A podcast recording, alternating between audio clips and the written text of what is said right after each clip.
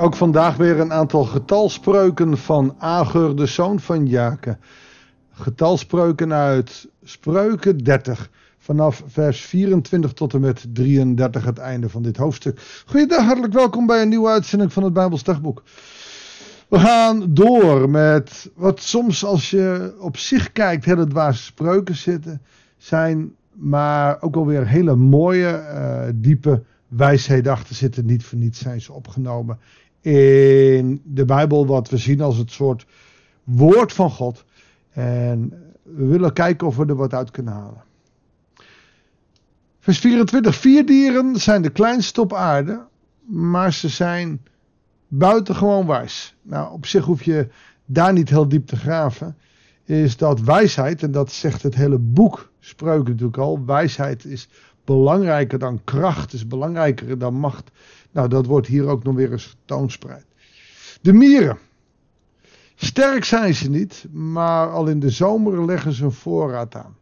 Ben ik het al niet eens met Ager. Mieren zijn behoorlijk sterk. Ze kunnen hele grote bladeren optillen die groter zijn dan hun eigen lijf is. Ik was in Bolivia bij het Christusbeeld in Cochabamba. En ik wou een filmpje maken, maar dat lukte me even niet. Maar er was een, een mier, een vrij grote mier ook nog, die een heel groot blad optilde en daar een heel eind mee liep. Maar ik ben het wel met de spreukenschrijver uh, eens. Uh, ze leggen voorraden aan. Dat is slim. Weet je dat dit een ontzettend grote tip is aan, aan de huidige, nou misschien wel jeugdige uh, luisteraars. Jongeren die verdienen en maken dat meteen op. Sparen doen we niet meer. En, want ja, je krijgt geen rente. Dat hebben ze geleerd van de ouders. Vroeger kregen we rente. Dan was het handig om het op een spaarbankboekje te zetten. Dat heb je niet meer. Toch is het goed om te sparen, om een voorraad te hebben. Alleen al als je een eigen huis hebt of zo. En, en dan moet je rekening houden dat er iets stuk kan. Of als je een auto hebt, die je net gekocht hebt. Ja, hij moet gerepareerd. Je hebt daarvoor reserve nodig. Mieren doen dat goed. Het zijn kleine beestjes, je ziet ze niet. Toch zijn ze slim. De klipdassen, machtig zijn ze niet. Maar ze maken holen in de rotsen. Sprinkhanen, een koning hebben ze niet. Maar ze rukken op in slagorde.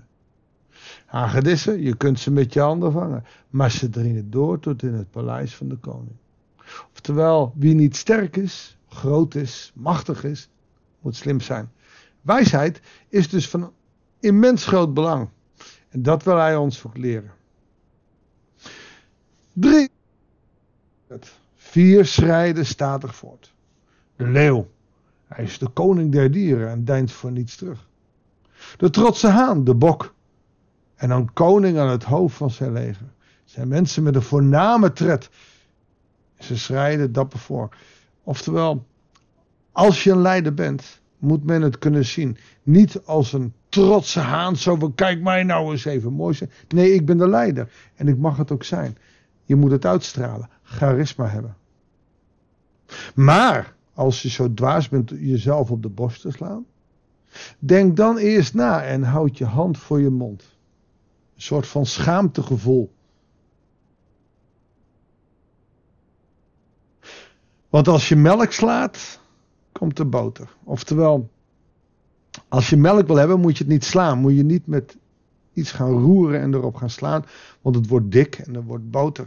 Als je melk wil, wil je geen boter. Kijk, als je boter wil, prima. Maar als je melk slaat, oftewel als je er verkeerd mee omgaat.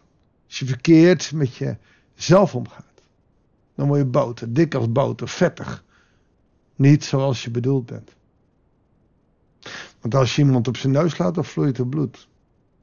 Weet je, de Agur wordt wel gezegd dat hij een bescheiden man is. Ik ben een dommer dan die de ander. De menselijke inzicht ontbreekt mij, vers 2. Ik heb geen wijsheid opgedaan. Van de heilige weet ik niet. En toch, niet op je eigen borst slaan. Wees als de mier. Ze werken hard. Ze hebben voorraad. In de winter overleven ze. Jij hoeft maar naar de mieren te kijken om daar wijsheid vandaan te halen. En Agur doet dat. Hij is niet zo dom als hij zelf zegt. Overdreven bescheidenheid wellicht. Toch is het beter dan te zeggen: kijk mij eens op de borst te slaan. Ik ben zo geweldig. Nee, dat is juist die dwaas. De Bijbel noemt je dwaas als je trots bent op jezelf. Als je bescheiden bent, kunnen anderen je een compliment geven en zal je meer opvallen bij andere mensen. Het is niet de bedoeling dat je jezelf hoog opgeeft van jezelf. Weet je, een voorname tred hebben is helemaal niet erg. Bij een leeuw kan je zien dat hij de koning der dieren is. Je kan het zien, hij heeft charisma. Een bok, maar ook een koning het hoofd van zijn leger. Als je een koning bent, dan moet je niet achteraan gaan lopen en alleen maar veilig ergens jezelf uh, verstoppen. Nee, als je koning bent, moet je voorop gaan om een, een voorbeeld te zijn voor het hele leger. Als jij als koning voorop gaat, is dat niet van kijk mij nou eens. Nee, want je loopt er nog gevaar ook in de oorlog. Maar je laat wel in een hele leger zien, ik ben niet meer dan jullie. We zijn samen, we moeten dit doen. En je inspireert een hele leger. Er zijn legers waarin de mensen die oorlog strijden en die de oorlog begonnen zijn, ergens achteraan verborgen zitten. En zelf niet op het slagveld terechtkomen, maar wel een grootste mond erover op hebben. Dat zijn mensen die verkeerd bezig zijn. Ah, je mag een voorname tred hebben, maar wees bescheiden. Wees als de mieren, de sprinkhanen. Wees als iemand die niet zichzelf op de borst slaat, maar complimenten mag ontvangen van anderen. Laten we samen gaan bidden dat wij die wijsheid mogen hebben om goede leiders te zijn, om goede mensen te zijn. Die niet te trots en ijdel zijn, maar die wel een bepaald charisma hebben. En dat is een balans, dat is zoeken. Wat is trots en eigenwijze of wat is een charisma hebben? Een genadegave die je mag gebruiken. Weet je, als God jou een gaaf heeft gegeven, hoef je dat niet onder stoel of banken te zetten. Niet te zeggen, ik ben de beste. Nee, ik heb deze gave van God gekregen. Geprezen zij zijn naam. Mag ik voor je bidden? Heere God, u geeft ons genadegaven. Wij zijn gewend om dan trots te zijn, niet alleen op onszelf, maar ook dat wij zelf zo goed zijn, omdat we zelf ons dat geleerd hebben op een of andere manier. Wij maken onszelf belangrijker dan dat we zijn.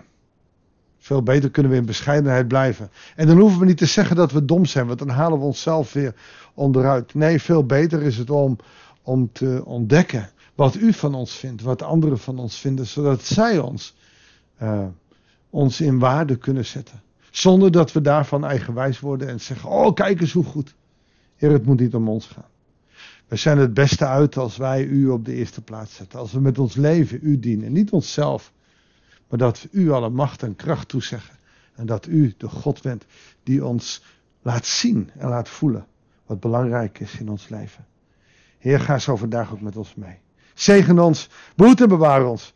En geef ons ons de plek die u ons bedacht heeft. Dat bidden wij u in Jezus' naam. Amen. Dankjewel voor het luisteren. Ik wens je God zegen en heel graag tot de volgende uitzending van het Bijbelsdagboek.